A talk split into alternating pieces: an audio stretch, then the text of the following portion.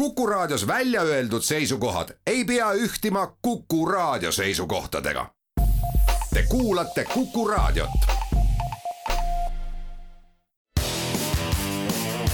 spordireporter. spordis kruvib pinget, Pahv üksteist ja kaheksa minutit on saanud kell, täna on kahe tuhande kahekümne teise issand aasta augustikuu kolmekümnes päev. tere kuulama spordireporterit järjekorranumbriga kakssada seitsekümmend neli. kuulama kutsuvad teid Järvelott Tallinn, Susi Joosep Tartu. Haaksõna spordireporter töötab Twitteris nii nagu ikka, selle kaudu saab meile esitada küsimusi, mõtteid, tähelepanekuid, millele vastamise võtame ette saate kolmandas osas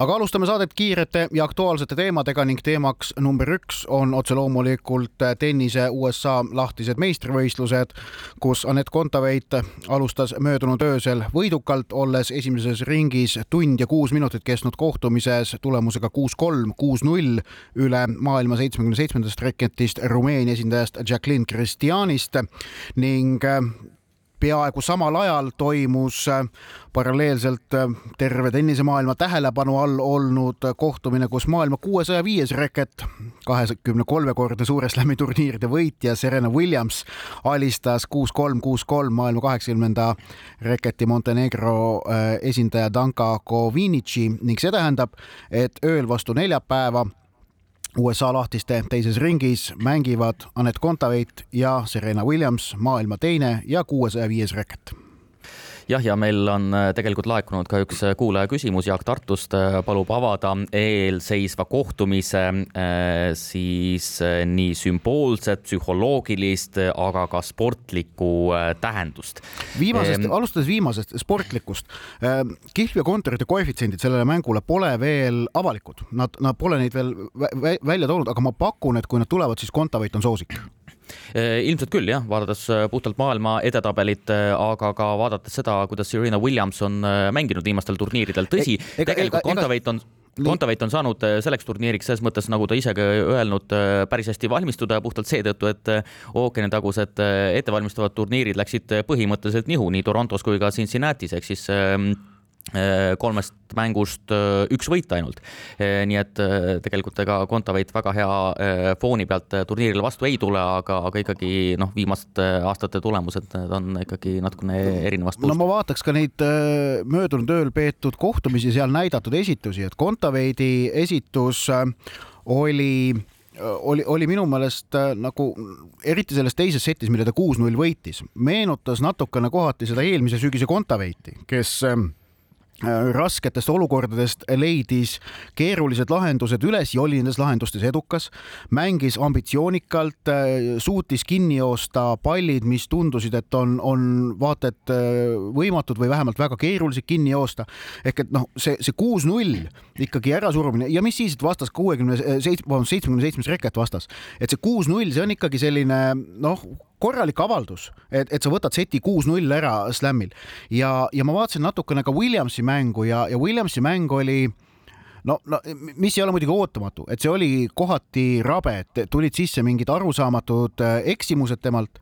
Äh, aga noh, samas ei tasu jah unustada seda, et noh, Williamsil see võimsus ei ole temast ju kadunud, et see on tal looduse poolt antud, see võimsus ja, ja sellega ta äh, kahtlemata proovib, proovib sihile jõuda, aga noh, see sportlik tasand sportlikuks, et see, see matš otsustatakse nendel muudel tasanditel, sümboolsel ja psühholoogilisel ikkagi vist. ja ma ikkagi tavaliselt, kui Kontaveit alustab viimastel aastatel Suure Slami turniiri, ma teen sellise statistilise kokkuvõtte ka Suure Slami turniiridest, kus Kontaveit on osalenud, ehk siis kaks tuhat viisteist, üheksateistkümne aastasena jõudis ta USA-s ehm, neljandasse ringi esimest korda karjääris. pärast seda kakskümmend kuus Suure Slami turniiri ja neljandasse ringi on jõudnud kolm korda, neist veerandfinaali üks kord. ja pärast kahe tuhande kahekümnenda aasta USA lahtiste neljandat ringi on seitsmest Suure Slami turniirist kolm korda kolmas ring, kaks korda teine teine, kaks korda esimene ring. ehk siis eh, enne igat Suure Slami turniiri räägime sellest samast, eh, mida on siin eelnevalt eh, ka rahvusvahelises meedias Kontaveidi suunal, aga ka teiste naistennisistide suunal räägitud päris palju. ehk siis kõik võivad kõiki võita, kõik võivad kõikidele sisuliselt kaotada ja, ja praegu seis on ju selline, et USA-s on kohal küll sisuliselt kogu maailma naisüksikmängu paremik. Ehm, aga jah, sümboolne väärtus omavahel nad varasemalt kohtunud ei ole, nii et Kontaveit tõesti nagu ütlebki, et see on viimane võimalus, parem hilja kui mitte kunagi mängida, no võiks isegi vist öelda, et kõigi aegade parima naistennisistiga no, Margaret, ma, Margaret Courtil on üks Suure Slami tiitel rohkem ja, ja seal on see nüanss ikkagi, et ega Serena pole kunagi ju varjanud, et tema eesmärk on olnud tegelikult selle Courti kahekümne neljani jõuda või see ka ületada. noh, ületamine jääb nüüd ära, see on teada, et ainukene võimalik on sellega samale tasemele jõuda, selleks peab ta nüüd praegused USA lahtised võitma, ta on seda proovinud, ta pole seda suutnud ja noh, selle tõttu, kuna tal on olnud see eesmärk, siis, ähm, siis ma arvan, ei tasu seda vähe tähtsustada, et Court ikkagi on praegu Serenast ees jah, aga me oleme unustanud mainida seda, et Serena Williams on neljakümne aastane ja no pole päris kindel, aga kui Kontaveit võidab, võib see olla Williamsi viimane kohtumine Suure Slami turniiridel, ta mängib see, kodupubliku ees. see on ilmselt, see võib olla tema kar karjääri üldse karjääri. viimane matš noh, tipptasemel jah. Kontaveit võib äh, Serena Williamsi karjääri ära lõpetada. Jah, nojah, äh, okei okay,, kui sa tahad nii sõnastada, aga, aga tõesti. tahan küll, sest see kõlab ütleme... väga uhkelt, muidugi ma tahan niimoodi sõnastada, mõtle kui uhkelt see kõlab, Anett Kontaveit lõpetas ära Serena Williamsi karjääri. Ei no Williams võib öelda küll, et ta lõpetab ära, aga noh, võib-olla jät-, jätkab, aga ütleme, praegu on situatsioon on küll selline, et suure tõenäosusega Williams mängib oma viimast Suure Slami turniiri, teeb seda kodupubliku ees. nii et selge on see, et mängitakse noh, ikka suure tõenäosusega oleks ikka eh, noh, plass, kui see ei toimuks, ei leiaks aset eh, peaväljakul. no kindlasti leiab ja, ja, ja kindlasti on see ja. õhtu viimane matš ehk et Eesti tennisepõld peavad öösel seda mängu vaatama jah, ja äh, lisaks siis sellele, et äh, noh, seal pimedus ja, ja Kontaveiti alguses segas ka avakohtumises äh, tuul natukene ja nii edasi, aga no selgelt on kogu see atmosfäär kõik üles ehitatud ikkagi Williamsi ümber. Ja, ja ikkagi pealtvaatajad selgelt on Williamsi poolt, nii et ühelt poolt sümboolne, sümboolselt tähenduslik on see kindlasti Kontaveidi poolt, puhtalt seetõttu, et esimest korda mängib ta Williamsiga karjääris, teiselt poolt Williamsile endale ja kogu sellele USA lahtiste tennis tenise meistrivõistlustel turniirile on see samuti sümboolselt väga oluline kohtumine, seetõttu tegemist võib olla viimase kohtumisega, mis Williams seal peab. kui Kontaveit selle matši võidab äh,, pälvib see sündmus tähelepanu maailmas milleni ükski teine mõne Eesti sportlase osalusel peetud sündmus aastal kaks tuhat kakskümmend kaks ei küüni. ei Kelly Sildaru olümpiapronks, ei Ott Tänaku rallivõidud, ei Janek Õiglase EM-pronks, noh, need jäävad kaugele maha kõik sellest, kui Kontaveit Serena äh,, Serenast jagu saab ja, ja tema karjääri seal lõpetab. see asiotaaž selle kohtumise ümber on tohutu, nagu sa ütlesid ka äh,, terve USA lahtised sedapuhku keerlevad ümber Serena Williamsi, äh, mis omakorda tähendab seda, et Novak Djokovic'i puudumine ei ole praegu üldse isegi mitte teema, noh, ta vaktsiini, vaktsineerimata inimesena teda ei lubata USA-sse sisse ja, ja aga see praegu ei ole isegi üldse teemas. Serena viimane turniir, viimane suur slam on vallutanud kogu selle tennise avalikkuse ruumi ja tähelepanu jah, ja ütleme siis lõpetame selle tennise teema ikkagi sportliku äh, printsiibi äh, kontekstis, et äh, Kontaveidi eelnevad turniirid on läinud aia taha äh,. tõsi, aga äh, ka selle avakohtumise äh, vältel näitas ta seda, äh, mida ta nii-öelda mängu noh, üksikutes episoodides on ka varasematel turniiridel näidanud, et tõesti ta on selline väga agressiivne, väga riskeeriv mängija ja, ja just nimelt selle riskeerimise pinnalt on tegelikult ju noh, naisüksikmängus võidetud väga palju viimastel aastatel äh, täiesti ootamatutest kohtadest. ja olgu veel tennise teema lõpetuseks öeldud, täna õhtul kell kaheksateist äh, alustab äh, USA lahtiseid Kaia Kanepi maailma kolmekümne neljas reket, kelle esimene vastane on Tšehhitar Theresa Martintšova, maailma seitsmekümne esimene reket. kahjuks viimased teated New Yorgist ütlevad, et Kanepi on endiselt hädas augusti alguses Washingtoni turniiril saadud kõhulihase vigastusega, aga loodame parimat ja Kanepi mäng siis täna õhtul kell kaheksateist, aga läheme saatega edasi, võtame ette teise teema ning läheme jalgrattaspordi Rein Taaramäe ja Vuelta juurde just nimelt kolmekümne viie aastane Rein Taaramäe sõidab karjääri seitsmeteistkümnendat suurtuuri kuuendat korda Vueltal, eh, kus ta etapi võitis eelmisel aastal, aastal kaks tuhat kakskümmend üks ja kus ta on võitnud etapi ka aastal kaks tuhat üksteist, lisaks siis eh, kolmas etapivõit suurtuuridelt on ta ka Girol kaks tuhat kuusteist. Ehm, väga selgelt eh, läks püüdma etapivõitu ja kaheksandal etapil sai ka jooksikute gruppi, väga tugevasse jooksikute gruppi, võitis lõppeks austraallane Jane Wine, kes sai tuuri teise etapivõidu võidu ja Taaramäe sai väga kõrge kolmanda koha. jah ähm vahva on see, et, et selle Taaramäe tegemistel Vueltal on saanud äh, vahetult kaasa elada tänu sellele, et ERR oli seal äh, mõned päevad nüüd kohapeal ja, ja andis edasi Taaramäe emotsioone ja, ja seda kogu seda atmosfääri, mis seal Vuelta ümber valitseb. Ning mis silma torkas Taaramäe intervjuudest ja üldse tema hoiakust äh, selle Vuelta esimese nädala jooksul oli see, et ta on nagu väga sellises mõnusas et mitte öelda lõbusas ja, ja vahetus äh, noh, hoiakus. Ja, ja see meenutab natukene Jaan Kirsipuu karjääri lõpuaastaid, kui ta oli ka juba sellises vanameistri staatuses, kellel oligi võimalik minna ja proovida, et äkki näkkab. Ja, ja samas kõik teda äh, oskasid karta natukene, oska- ja austasid, sest tal oli juba noh, teened olid, olid, olid suured olemas. Ja mul tunne, et Aaramäe on praegu seal Vueltal natukene samasuguses seisus no mina tooksin välja äh, kolm aspekti, mis mul on äh, silma torganud, see, et äh, Taaramäe on üldse jalgratturite seas väga noh, selline tark ja kaval rattur, seda teavad kõik ja sellest ka tema juba väga varases nooruses saadud hüüdnimi. aga esiteks tundub, et ta on tõesti suurepärases vormis, tõesti suurepärases vormis, minu arvates kaheksas etapp näitas seda. Ehm, ja teiseks, tal lõpuks on ikkagi meeskond, tiim, kes minu arvates tema omadustega sobib väga hästi, eriti, eriti vaadates veel vanust. ehk siis ikkagi see tiim on piisavalt väike ja nende eesmärgid on ikkagi selgelt seotud ka etapivõitudega. nüüd lõppeks on see etapivõit ka käes. ehk siis äh, Taaramäel on äh, noh, variant pidevalt proovida, tunnetada oma, oma äh, jalga ja siis vajadusel siis minna jooksikute gruppi ja, ja panustada täiesti ühele, ühele etapile. Ehm, ja kolmandaks, et on ikkagi kolmekümne viie aastane, ülikogenud, ega nüüd üleliia palju kogene-, kogenumaid rattureid seal pundis pundis äh, ei ole. Äh, ja mine tea, kui palju neid suurtuure tal veel ees seisab.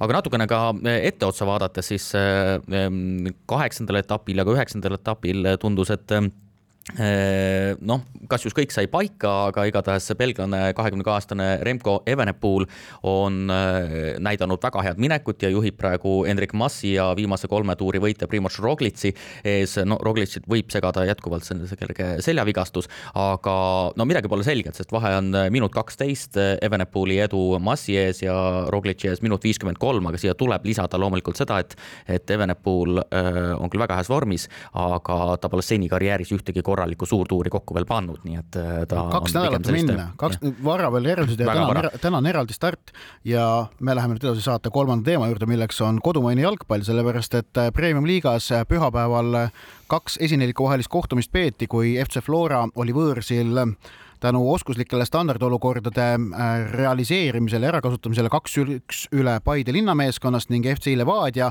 piirdus Nõmme Kalju vastu üks-üks viigiga. kokkuvõttes tähendas see siis seda, et Flora eduseis Levadia ees paisus taas viiepunktiliseks ning äh, Kalju küll kasvatas edumaad Paide ees, aga ikkagi ainult ühe punkti võrra ja toimuvad Premium-liigas siis ikkagi on kullavõitlus Flora versus Levadia ja pronksivõitlus Kalju versus Paide. pronksivõitluse tähtsus on siis see, et kolmanda koha omanik tagab koha kindlalt eurosarjas, neljanda koha omanik mitte ja noh, äh, see, need pühapäevased mängud olid esimene vaatus, teine vaatus on homme, kui Paide mängib Levadiaga ja Flora Kaljuga ning nädalavahetusel tuleb veel kolmas vaatus, kui Kalju mängib Paidega ja Flora Levadia omavahel. ehk et siis kaheksa päeva jooksul esinelik mängib omavahel tervenisti läbi kõik kõigiga. Ähm, ja praegu on siis jah, Flora edu Levadias nüüd jälle viis punkti jah, ja kolmanda koha heitlus on ka selline, et virtuaalselt siis viis punkti on äh, Nõmme Kalju edu Paide ees, et Paidel üks kohtumine vähem peetud, aga, aga no me räägime siin ju äh, kogu aeg selles mõttes sama juttu, et Flora on noh, esiteks sügav meeskond ja kindlasti seetõttu juba oluliselt stabiilsem meeskond ja ütleme, sellised mängud ongi sellised meistritiitli mängud, et okei okay,, viis punkti ja, ja mänge on veel päris palju pidada, et midagi selge, selget ei ole, aga Flora just nimelt see sügavus ja ka see, et sellised kohtumised Äh, selliste väikeste nüanssidega otsustatakse ära, see ongi, see ongi määrav. kui Flora suudab nüüd edasise nädala jooksul oma edu Levadia ees veel suurendada, ehk et me äh, esmaspäeva hommikul on olukord see, kus Flora edu Levadia ees ei ole mitte viis punkti, vaid rohkem, siis lõhnab selle järele, et meistrivõistlused on selleks, tiitel on otsustatud. sest et äh, siis on keeruline näha võimalust, kuidas Levadia selle vahe tagasi tikiks. teema number neli ja vormel üks jah, vormel üks sari naasis eelmisel nädalal suvepuhkuselt, äh, tehti seda Belgias legendaarsel spa ringrajal, millest on jutt väga palju olnud. Ja see etapp oli Red Bulli Max Verstappeni jõudemonstratsioon. Verstappen alustas viieteistkümnendalt kohalt, suuremate probleemideta tõusis esikohale võitis eh, mitmekümne sekundiga meeskonnakaaslase ees. ehk siis Red Bullile kindlustas kaksikvõidu Sergio Perez. Eh, nüüd minnakse edasi Hollandisse ehk siis eh, Verstappeni koduradale ja seejärel juba Ferrari koduplatsile ehk siis ülejärgmine etapp Monza ringrajal. aga hooajal on sõidetud neliteist etappi, kaheksa etappi on veel ees. Verstappen on võitnud neljateistkümnest etapist üheksa Red Bull on võitnud neljateistkümnest etapist kümme, Ferrari neli ehk siis Verstappenil kakssada kaheksakümmend neli punkti, Perez on teine saja üheksakümne ühe punktiga ja Charles Leclerc kolmas Ferrari piloot saja kaheksakümne kuue punktiga ehk siis ligemale sada punkti kaotab Verstappenile. kui me hooaja alguses rääkisime, et äkki läheb põnevaks, äkki läheb põnevaks nüüd, ehm, eh, siis tundub, et praegu on asi, asi selge, see viimane etapp näitas selgelt. ja sa rääkisid nüüd siin tabeliseisudest ja, ja, ja tegelikult minu meelest möödunud vormel nädalavahetusel see tabeliseis oli kõrvaline teema. see, kes kuivõrd palju kellegi ees juhib, ei olnud pälvinud üldse niivõrd palju tähelepanu. keskne teema oli spa ringrada ise. Äh, keskne teema nii. Ma ütlen ära sportliku printsiibi lõpetuseks, see viimane etapp näitas väga selgelt, ei ole mitte mingit lootust teistel Red Bullil seast. Vastu saada, Verstappen tuleb teistest järjest maailmameistriks. aga, aga, aga nädalavahetus keerles ümber spa ringre, esmalt see, et kuus võistlejat, sealhulgas ka Verstappen ise, otsustasid mootorit vahetada, sellepärast et spa ringrada, äh, selle, sellega tuleb kaasa stardirivis lõppu langemine, aga kuna spa ringrajal möödumisvõimalused on sedavõrd head, siis just selle etapi eel need mootori äh, vahetused ette võeti ning ning eh, noh, Verstappen alustas viieteistkümnendalt kohalt vist, kui ma ei eksi, või neljateistkümnendalt ja tõusis sealt võidule. mingi, ta, ta, ta oli, ta oli mõne, kümne ringiga vist juba liider ja, ja, ja pidas lõpuni vastu. ning teine asi oli, mis, mille üle Spa ringraja räägiti, oli see, et kas, kas selle, kas see võistlus jääb üldse kalendrisse tulevikus.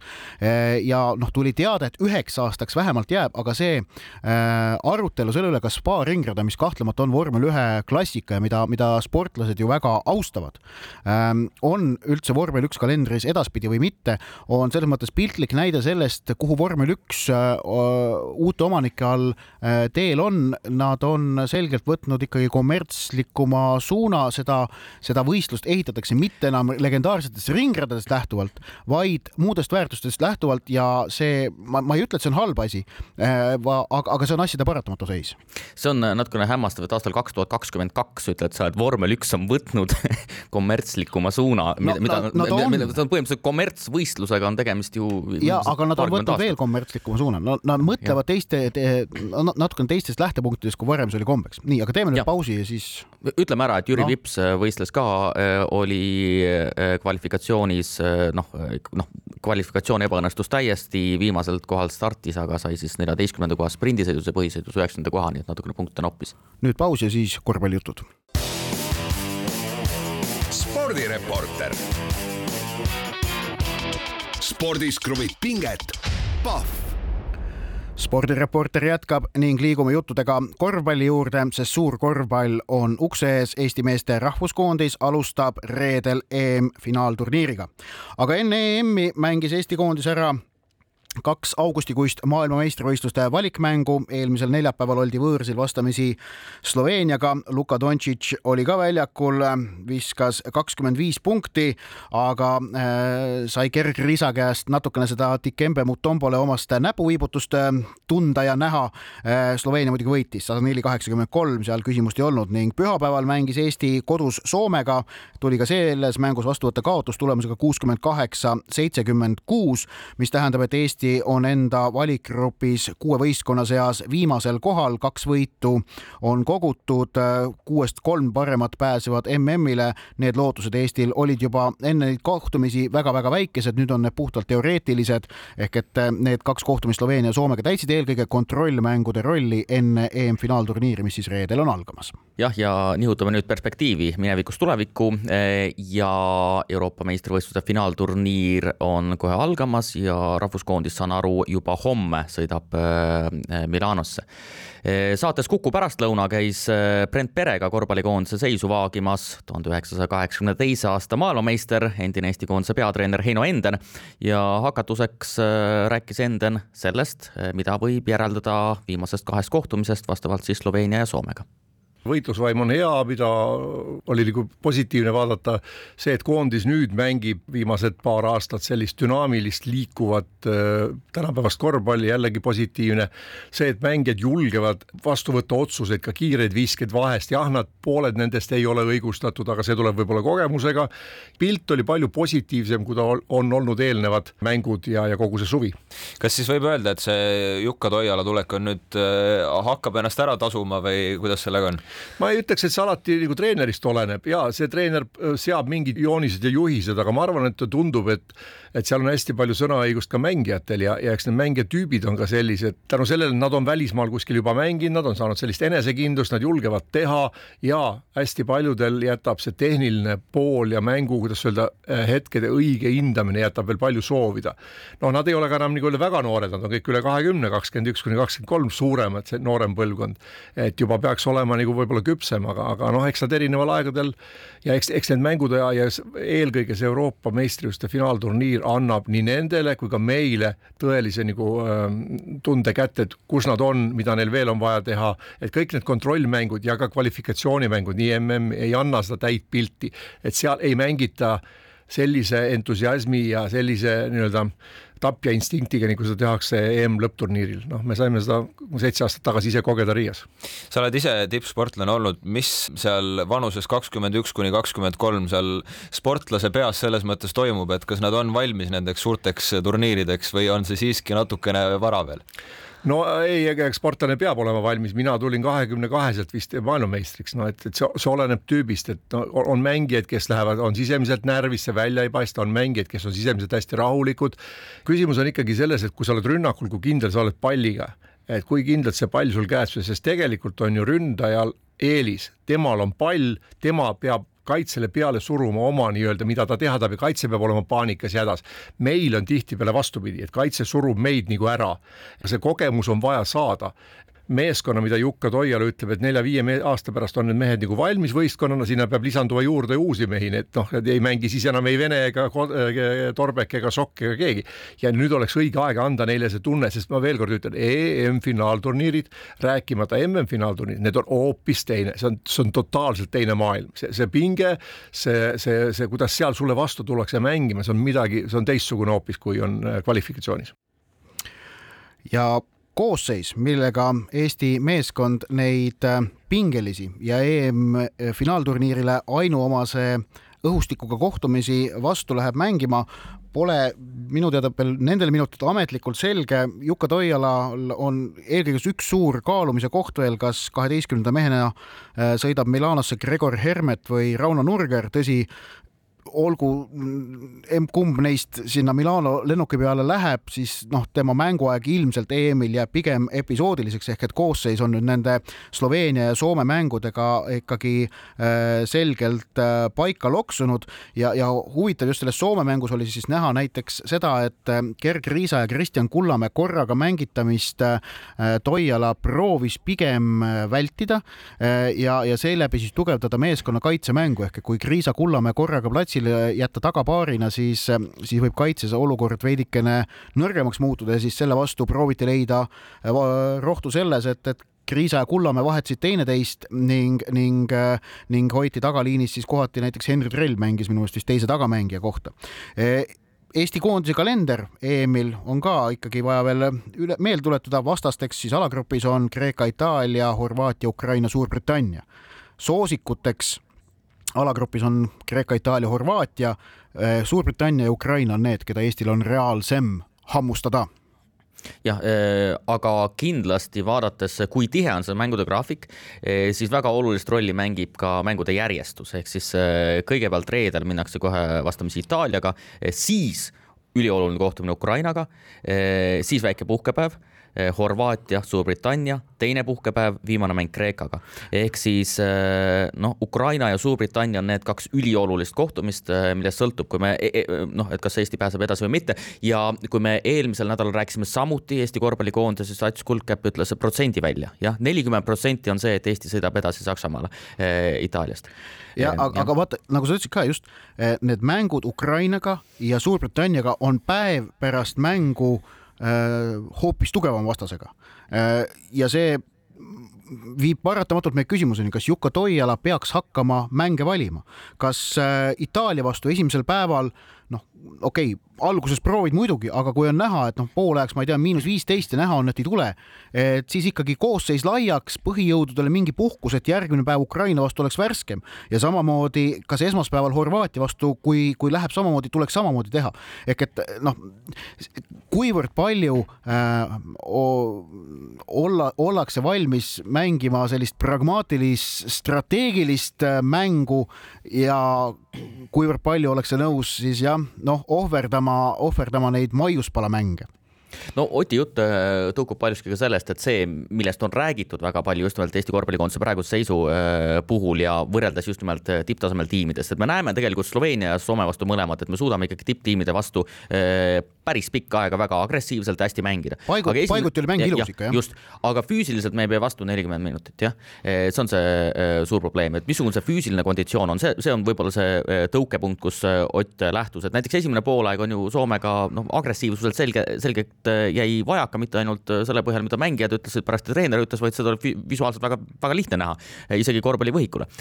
aga meil on üks väga hea selline ajalooline näide, mis tõestab, et ära jumala eest äh, finaalturniiril sellist asja tee, see on Georgi Kreetsu, mäletad, mis ta äh, võrkpallikoondis finaalturniiril äh, Venemaa vastu võideti avageim ja siis loobuti mängu võitmast, et järgmistes kohtumistes edasipääs kindlustada, no see oli, see oli absurdne ja ega, ega meeskond lagunes, kui palju sel, sellel otseselt nagu põhjus oli, aga no aga, on... aga, aga mäng Suurbritanniaga, mis on Eesti jaoks turniiri neljas mäng viie päeva jooksul ja see, see on noh, Suurbritannia peaks olema kõige reaalsem koht võidu hankimiseks ja no aga see on neljas mäng viie päeva jooksul, see on koormus, mida ju see koondis pole seni kordagi veel saanud äh, kogeda ja kuna koondis koosneb suuresti ikkagi finaalturniiri debütantidest äh,, varasem kogemus on olemas ju äh, Sten Sokul on Siim-Sander Vene. Venel ja vist ka Martin Torbekul, kui ma nüüd õigesti mäletan, kaks tuhat viisteist ta vist oli satsis sees ikkagi eh,. Eh, ei olnud ikkagi ei olnud. nii et noh, kahel mehel on olemas varasem äh, suurturniiri kogemus, äh, et see neli mäng, noh, tihe mängude graafik on kahtlemata sellele võistkonnale äh, väljakutse ja kui Jukka Toiala siin ütles ka, et see võistkond on valmis nelja-viie aasta pärast, siis äh, noh, ilmselt äh, tuleb temaga nõus olla, et, et, et see keskmine vanus praegu on veel, on veel piisavalt noor, et nelja-viie aasta, nelja aasta pärast, kui on järgmine EM, sest tuletan meelde, EM-e peetakse nüüd üle iga nelja aasta, mitte enam üle kahe aasta nagu varem, siis siis ähm, nelja aasta pärast on ilmselt see võistkond küpsem, äh, aga neid võimalusi finaalturniiri üldse kogeda äh, on nüüd uue korvpallisüsteemi juures, kus EM-id on iga nelja aasta tagant vähem jah, eh, ühesõnaga see füüsiline küsimus on eh, väga oluline, aga teiselt poolt ka mängijate tervislik konditsioon, noh, Kriisast on räägitud päris palju, et kui, eh, kui terve siis Kriisa ikkagi on ja, ja kuivõrd terve mitte, aga noh, Kriisa on selline mängija tüpaaž juba, et ega kerge vigastusega ta paneb oma, oma nii-öelda hinge pealt ikkagi korraliku kohtumise kokku. Nii et reedel esimene kohtumine. spordireporter spordis kruvib pinget, Pahv spordireporter jätkab, Joosep Susi jätkuvalt Kuku raadio Tartu, mina Ott Järvela Tallinna stuudios ning meie saate kolmas osa kuulub, nagu meil ikka tavaks on, kuulajatelt laekunud küsimustele. alustame Renault küsimusega, mis puudutab autorallit. kas Ott Tänak siirdub siis M-sporti ja kui siirdub, siis kas see oleks hea samm Tänakule endale, M-spordile ja ralli MM-sarjale? Esimesele küsimusele ei oska vastata ja ma arvan, et neid inimesi, kes oskavad vastata, on vähe kui üldse. no kaks e..., Tänak ja, ja Malcolm Wilson mm,. aga kindel, et nad teavad? No, nad ei pruugi veel teada, aga jah, et noh, maksimaalselt kaks on neid, kes praegu võivad kindla peale öelda ilmselt jah no ja võib-olla siis äh, lähikondsetest veel keegi, aga kui alustada lõpust, äh, siis äh, M-spordile ja MM-sarjale ma arvan, et see oleks väga kasulik äh,. puhtalt seetõttu, et M-sport on näidanud kiirust ja M-sporti võiks äh, kaasata mõne sõitja, kes oleks väga kiire, mis muudaks selle sarja konkurentsi tihedamaks, ehk siis kui meil on kolm tiimi, siis kõik kolm võiksid olla korralikult ka konkurentsis, praegusel hetkel seda me ei näe. Tänakule endale, noh, mingis mõttes sümboolne pool tagasi Malcolm Wilsoni juures. no kõige kasulikum oleks loomulikult ilmselt minna Toyotasse. sinna teda ikkagi ei oodata. kusjuures ma hakkasin mõtlema seda, et aga äkki on see kasulik ka Hyundai'le, sest et kui praegu on ikkagi Neuville versus Tänak selline, no näha on ikka siit ja sealt kuulda olnud, et kuidas see hõõrumine seal tiimi sees on. kas see on Hyundai jaoks hallatav, eriti olukorras, kus Andres Adamotel enam selle võistkonna eesotsas ei ole? tema sai selle äh, selle Tänaku ja Neuvilli haldamisega hakkama, praegune boss Julian Monse ilmselgelt ei saa. Äh, noh, on tulemas keegi järgmine tiimipealik, eks näis, kuidas temal on, et see võib olla ka Hyundai'le kasulik, kui Tänak läheks M-sporti. Äh, niivõrd paradoksaalne, kui see ka ei ole. jah, no vaadates ka seda, et Ott Tänak tegelikult äh, tegelikult ka Neuvellilt on ikkagi päris palju selliseid äh, väga kriitilisi väljaütlemisi just nimelt tiimi, äh, tiimi enda suunal. nii et see on kindlasti ka mingisugune indikatsioon, aga, aga ühesõnaga see esimene küsi-, küsimuse pool oli ilmselt kõige olulisem. Ei oska keegi öelda seda praegu, jah. Martti on esitanud küsimuse, Läti kolmas jalgpalliklubi RFS pääses konverentsi liiga alagrupi turniirile, Eesti kolmas sats Paide ei jäänud kaugele, Flora möllas seal eelmisel hooajal. kas Balti vutiliigade tase on tõusnud või on see konverentsi liiga üks küla tšempionaat? olgu öeldud, et lisaks RFS-ile mängib konverentsiliiga alagrupi turniiril tänavu ka Leedu meister Vilniuse Žalgiris ning äh, Balti vutiliigade tase, ma arvan, ülearu palju tõusnud ei ole. seda ma tahan ka öelda, Paide ikkagi jäi päris kaugele, nad oleks pidanud alistama nii Brüsseli Anderlehti kui Berni Youngboysi, et sinna jõuda, et see oleks noh, olnud ikkagi päris keeruline. Ehm, aga, aga konverentsiliiga ei ole ka külatšempionaat, vaid see on ikkagi väga selgelt võistlussari, mille UEFA kutsus ellu eesmärgiga laiendada alagrupi turniiri kogevate riikide hulka. Tänavu on eurosarjade alagrupi turniiridel esindatud kolmekümne kuue riigi klubid, eelmine hooaeg see, kas oli kolmkümmend kas ta oli kolmkümmend viis või kogu aeg kolmkümmend kuus, see number. ehk et ja kokku on Euroopas viiskümmend viis jalgpalliriiki. Ehk et circa kakskümmend riiki ei pääse alagruppi, circa kolmkümmend viis pääsevad. ja nende väiksemate vahel käib selles konverentsi liiga noh, sõelmängude käigus käib see madise, madistamine, et no Eesti meister FC Levadia see hooaeg põrus haledalt, nemad, nemad ei suutnud sellest läbi minna, Läti ja Leedu meistrid seekord suutsid, eelmine aasta suutis Flora minna ja ühtegi teist Baltimaade klubi ei olnud. nii et konverentsi liiga külatšempionaat ei ole, tuleb vaadata ainult ka satse, mis seal mängivad, et need on ikkagi korralikud klubid. jah äh jah, vabandust, sa ei tahtnud mulle sõna anda. jah, et äh, ma olen nõus sellega põhimõtteliselt jah, aga äh, minu arvates, minu arvates oleks kaks huvitavat asja jälgida, et kui palju ikkagi Flora pääs konverentsi liiga alagrupi turniiril tegelikult järgmiste aastate äh, Eesti jalgpalli, Eesti klubi jalgpalli muudab, see pole veel päris selge, sest esialgu arvati, et muudab väga palju. ja teiseks mul ongi tunne, et Läti ja Leedu klubidel võib-olla, kes võivad tead kuidagi emotsionaalselt suuri saavutusi saavutusi ähm, äh, teha, siis äh, neil võib-olla sellised üksikud õnnestumised võiksid äh, olla natukene tihedamad no, ja see on näite... ka varasemalt olnud nii. aga et praegu selgelt ikkagi konverentsi liiga alagrupi turniir on praegu Eesti jalgpalliklubidele ükskõik missugusele selgelt liiga tugev tase, et nad on natukene üle, üle ikkagi Eesti klubide taseme, nii et ma arvan. Flora jaoks eelmine aasta ei olnud liiga tugev tase. Flora sai hakkama eelmisel aastal, aga see, et stabiilselt hakata seal hakka, hakkama saama ja stabiilselt sinna pääseda, ma arvan, et no, nii kõrgetasemeline Flora ei ole praegu. no ma arvan, et noh, eesmärk võiks olla see, et Eesti jalgpalliklubi on seal konverentsi alagrupis esindatud umbes kord kahe aasta jooksul või kaks korda viie aasta jooksul, see oleks nagu okei tulemus äh,. aga oot, mis ma veel ah,, ja mis puudutab seda, et jah, et Lätis-Leedus äh, ei ole sedavõrd selget või ranget välismängijate piirangut, nagu kehtib Eesti klubi jalgpallis. ja see paistab välja ka RFS-i ja Žalgirise koosseisudest, kus põhikoosseisust lätlasi, leedulasi Äh, nad on väga selges vähemuses, isegi suures vähemuses, seal on vist äh, Žalgirise põhikoosseisus on kaks leedulast ja RFS-il on kolm lätlast. et noh, Flora. tuletame meelde, Flora oli Eesti mängijatega. ainult Eesti mängijatega ja, ja siin ega ka le, noh, Levadia Paide mängisid tänavu niimoodi, et viis-kuus välismaalast. nii äh, küsimustega edasi minnes, siis järgmine ei ole väga küsimus, sellepärast et küsimust Eesti võrkpalli, endine Eesti võrkpallikoondisel Martti Juhkami ju ei esitanud Twitteris, aga ta tegi Twitterisse postituse, mille me võtame nüüd siin oma saates kommenteerida Äh, nimelt kirjutas äh, Juhkami reedel Twitterisse niimoodi, tõsi, ta kirjutas inglise keeles, ma tõlkisin selle eesti keelde ära. võrkpalli mm avamäng, Kuuba juhib Brasiilia vastu kaks-null, aga saalis pole mitte kedagi. võrkpall vajab uut algust ja uut liidrit, et teha see imeline mäng rahvale omasemaks, täita areenid ja aidata mängul kasvada. praegune reaalsus on kurb. Juhkami postituse juures oli siis foto Ljubljanas peetud MM-i avamängust, kus, mille tribüünid olid tõesti täiesti tühjad. Ja Brasiilia-Kuuba, no võrkpalliklassika. Võrkpalliklassika, no tõesti jah, võib-olla mitte praegu aastal kaks tuhat kakskümmend kaks, aga kes jah, viimase paarikümne aasta võrkpalli rahvusvahelisel tasandil on jälginud, siis ütleme, Kuuba ise on juba selline sümboolne nimi ja Brasiilia samamoodi. jah, ja, ja kindlasti veel tähenduslik oli ka see teine asjaolu, et see võistlus toimus Ljubljanas.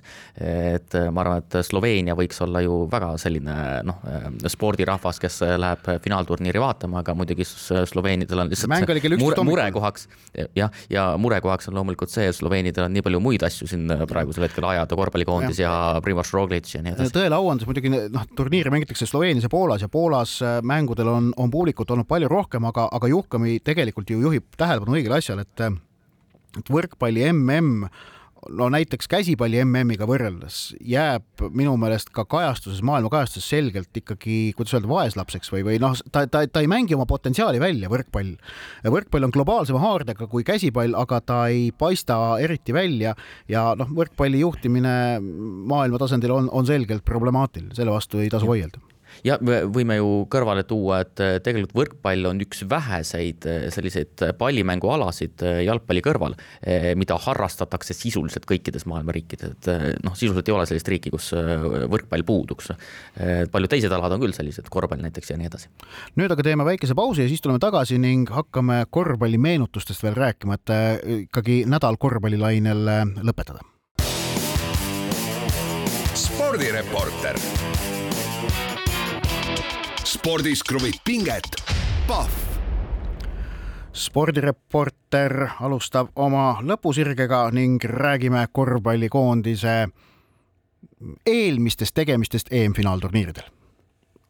Just nimelt, nimelt Eesti korvpallikoondis läheb Euroopa meistrivõistluste finaalturniirile taasiseseisvunud Eesti ajal neljandat korda. praegune seis on selline, tuhat üheksasada üheksakümmend kolm, kuues koht Äh, hämmastav tagantjärele vaadates. aasta kaks tuhat üks neljateistkümnes koht ja aasta kaks tuhat viisteist kahekümnes koht ja kokku on siis äh, mängitud Euroopa meistrivõistluste finaalturniiril seitseteist mängu, viis võitu. aga kui vaatame äh, seda aastatuhandet ehk siis viimast kahte turniiri, siis kaheksa mängu ja seitse kaotust, ainult viimane turniir siis Ukraina suudeti alistada. aga meil on plaan, et me vaatame need kolm eelmist finaalturniiri igat ühte niimoodi põgusalt proovime ka meenutada ja, ja loeme iga kord ette ka koosseisu, et meenutada, kes Eesti eest mängisid. üheksakümne kolmanda aasta EM-finaalturniiri Eesti koondis oli peatreeneriks Jaak Salumets, mängijad Toomas Kandimaa, Aivar Kuusmaa, Erkki Kivinuk, Ivo Saksakulm, Margus Metstak, Andrus Nagel, Indrek Rumma, Sergei Povenko, Marek Noormets, Aleksandr Karavajev, Gert Kullamäe, Rauno Pehka. no väga selge ikkagi veel üheksakümne esimesel aastal Nõukogude Liidu meistriks tulnud äh, Kalevi meeskonna jätk. Mõni üksik muudatus, Tiit Sokk on olnud ja, ja või võiks isegi öelda, et tegelikult, äh, et see Nõukogude Liidu meistritiitel, millest äh, peagi linastub film äh, Kalev, et võib-olla selle Kalevi võit, viimane Nõukogude Liidu meistritiitel, et see sümboolselt oli veel, veel kuidagi olulisem, et see oli kuidagi natukene isegi järellainetus, vähemalt tagantjärele vaadates. mul on meeles sellest üheksakümne kolmanda aasta EM-ist, kuidas ma maal suvilas kuulasin raadiost reportaaže Eesti koondise mängudest, ma ilmselt neid tegi Gunnar Hololei, ma eeldan. Äh, kuigi ma ei mäleta täpselt, kes, kes, aga raadioreportaažide kuulamine on mul meeles. Ja, ja teine asi, mis ma olen nagu tagantjärele äh, vaadanud ja mõelnud, et selle üheksakümne kolmanda aasta EM-i kuues koht, mis, äh, mis noh, tekitas suurt vaimustust ja põhjendatult, see oli väga hea tulemus, aga see aitas veel mõnda aega elus hoida unistust, et Eesti kes on äsja ise, kes oli äsja iseseisvuse taastanud, ongi endiselt ja jätkuvalt sama vägev spordiriik äh, maailma tasandil, võidab, äh, suuteline võitma medaleid ja, ja lööma laineid, nagu ta oli kolmekümnendatel enne iseseisvuse kaotamist. kuigi noh, sest et üheksakümne teise aasta Barcelona olümpia tekitas ju ka vaimustust, kui Erika Salumäe võitis kulla ja, ja vennad Tõnisted pronksmedali, oli seal ka teisi kõrgeid kohti tegelikult ju, ju sealt tuli, oli Kaido Aabermaa oli neljas, Lauri Aus oli, oli viies kui ma nüüd õigesti mäletan. Jüri Jaanson sõudis finaalis, et, et, et see üheksakümne kolmanda aasta EM-i kuues koht andis veel sellele vaimustusele jõudu juurde, tegelikult oli see muidugi pettekujutelm, et, et Eesti selleks suureks spordiriigiks polnud võimeline jääma ja, ja muidugi ei jäänudki no suur korvpalliriik on Eesti alati olnud ja minu arvates see tõestas seda samamoodi. võideti ju Saksamaad, kes hiljem tuli meistriks. ja seda küll, seda küll, see oli, noh, ma, ma, ma ei pisenda kuidagi selle üheksakümne kolmanda aasta saavutust, see oli väga vägev saavutus, aga see signaal, mille ta nagu üldiselt andis, oli natukene petlik tegelikult jah, aga äh, enne kui me liigume kahe tuhande esimese aasta juurde, siis äh, ma teeksin oma, omalt poolt sellise äh, jaotuse, et kuidas mina vaatan kogu neid, neid nelja turniiri, et mis neid eristab, et üheksakümmend kolm selgelt ikkagi, see oli noh, sarnane sats kui Nõukogude Liidu meistriks tulnud Kalev, ehk siis Nõukogude Liidus üles kasvanud, Nõukogude Liidus üles kasvanud treenerite käe all sirgunud mängijad. kaks tuhat üks valdavalt mängijad, kes on üles kasvanud Nõukogude Liidus äh, ja kindlasti treenerid on Nõukogude Liidu treenerid ähm, seal kooli saanud. kaks tuhat viisteist oli juba nii ja naa, äh, aga treenerid, kelle käe all üles kasvati, on kasvatud, olid kindlasti jällegi Nõukogude Liidu kooliga treenerid ja nüüd oleme olukorras, kus äh, on tõesti noored mängijad, äh, taasiseseisvunud Eestis äh, üles kasvanud ja korvpallikooli saanud mängijad ja lisaks, kes mängivad euroopalikku korvpalli, kes on väga palju ka välisliigades ka just, ja see on väga oluline ja. vahe, et, et selle praeguse koondise, kes sõidab nüüd Milanosse, oluline osa selle koondislaste korvpalliharidusest on saadud äh, ikkagi välismaal äh,. kindlasti suurem osa kui ükskõik millisel varasemal EM-koondisel ja see on vast üks väga oluline vahe. aga, aga läheme meenutuste juurde tagasi vaatame aasta kaks tuhat üks ja no minul on meelde jäänud ikkagi see, see üks asi, et tuli, tuli varblane platsile, viskas kolmesed sisse ja siis äh, pealtvaatajad skandeerisid, varblane on kotkas.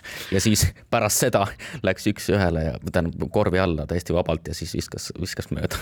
nojah, äh, kahe tuhande esimese aasta EM-ile eelnes ju Aivar Kuusmaa meeskonnast eemaldamine. Äh, läksid nad seal peatreener Üllar Kerdega niimoodi tülli, et, et Kuusmaa jäeti EM-koondisest välja, aga Üllar Kerd Kerde läks EM-ile koondisega, kuhu kuulusid Tanel Tein, Indrek Varblane, Toomas Kandimaa, Valmo Kriisa, Margus Metstak, Andre Pärn, Indrek Rumma, Tarmo Kikerpill, Marek Noormets, Martin Müürsepp, Toomas Liivak, Rauno Pehka, aga see äh, koondis siis kahe tuhande esimese aasta EM-il äh, ikkagi noh, läks selles mõttes lati alt täiesti läbi, et, et äh, ei mindud sinna kolme kaotust saama, aga kolm väga selget kaotust tulid. Saksamaalt miinus kakskümmend üks, Jugoslaavialt miinus viiskümmend viis ja Horvaatialt miinus kaksteist. Jah ja seal turniiril siis Dirk Novitski tõestas, et on parem mängija kui Martin Müürsepp. Just. Ja noh, meil natuke on veel aega. Ja siis kaks tuhat viisteist EM, mis toimus Riias ja millele noh, millega kaasnes tohutu asiotaaž, no tegelikult ka Eesti fänniarmee võttis ju Riia kesklinna üle. tõsi, takkajärjel on öeldud, et natukene liiga palju pandi rõhku seal pidutsemisele ja natukene liiga vähe korvpallimeeskonnale kaasaelamisele. meeskonna peatreeneriks oli Tiit Sokk, koondisesse kuulusid Rain Veidemann, Tanel Sokk, Gert Orbek, Sten Sokk, Janar Talts, Gregor Arbet, Erik Eedus, Siim-Sander Vene, Joosep Toome, Kristjan Kangur, Reiner Hallik ja Tanel Kurbas. ja seal siis viiest mängust saadi saadi üks võit ja seetõttu ikkagi edasipääsust jäi, jäi veidikene puudu aga mitte palju, et ikkagi turniiri lõikes korvpallikoondis hakkas äh, paremini mängima, Ukraina alistati lõppeks ja, ja äh, tegelikult see äh, viimase mängu, mängupilt oli ka päris kena. no seal oli viimases ja, mängus ja lisaks... oli, oli, oli, seal viimased kaks vastast olid Leedu ja Läti ja seal mõlema vastu oli nagu võit oli õhus tegelikult. Leedule ja. kaotati ainult kahe punktiga eelviimases voorus, oleks see mäng võidetud, oleks edasipääs olnud olemas ju aga selle turniiri äh, selline noh, ütleme sümboolne tähendus ikkagi Eesti korvpallilugu vaadates, et see oli selle põlvkonna viimane võimalus tegelikult jah, äh, suurele osale sellest põlvkonnast. jah, ja, ja, ja sinna see jäi. no vot, aga loodame, et siis seekord läheb paremini äh, ning meil on aeg liikuda soovituste juurde. no mina soovitangi kõigepealt reedel Itaalia laupäeval eh, Ukraina ja siis pühapäeval tuleb natukene eh, taastuda ja esmaspäeval Horvaatia. mina soovitan otsida üles võimaluse vaadata võrkpalli MM-i kohtumisi, aga saadet jääb lõpetama Genka ja Paul Oja, sellepärast et nüüd on siis Milanos võimalik Eesti korvpallimeeskonnal tõestada, et see tõepoolest on meie mäng. eks näis, kas nad sellega hakkama saavad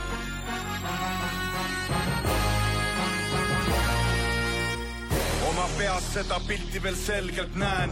rahvas massidesse kogunes keldrimäel, muutis kõike mu elus see helge päev. ei hakanud sõrmedest pihta, võttis terve käe. näen noor Mustamäe toonis hallis siis Tallinn, jorr ulatas mul pallikus kirjas on spalding. kerget midagi ei olnud ees, kraavid ja pallid, mu ellu jäävad alati korvpallisaalid ja hallid. see mäng mind ei salli nägu mina teda, et poole andekas, poole mõtet häbeneda. võib-olla meeldis trenni mulle liiga vähe teha, lugupidamine mängu vastu ei saa väheneda. aga ikka mind vedas siis vana ikanas edasi ja mu hing on sedasi koos su küljes ja elabki ja sa kindlalt tead kedagi, kes hingab ja elabki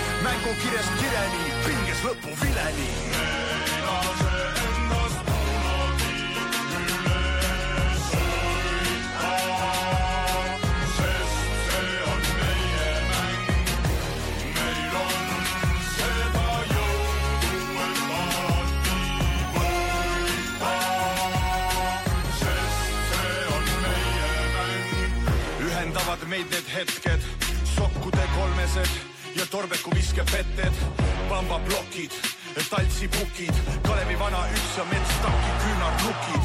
me hingame seda mängu ühes rütmis, me mängime, mis sest, et vahel koju ei jõua ühes tükis. see leek ei kustu, mis palliplatsil süttis ja mäletame alati puhka rahus Rain küttis.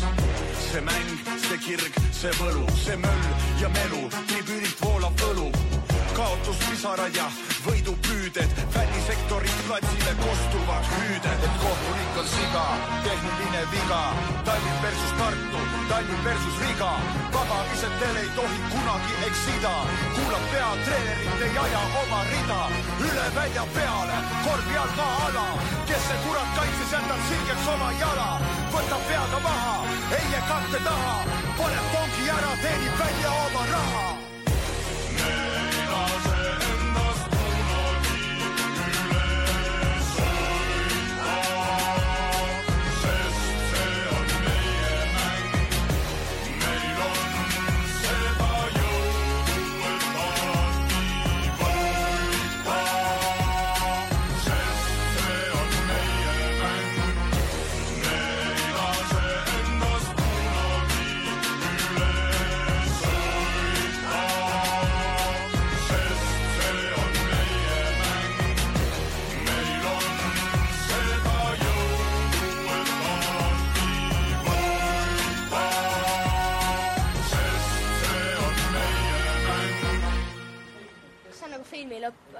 või, laulu lõpp? ma ei tea. vaatan, kuhu ma selle sisse panen. spordireporter. spordis kruvib pinget, Pahv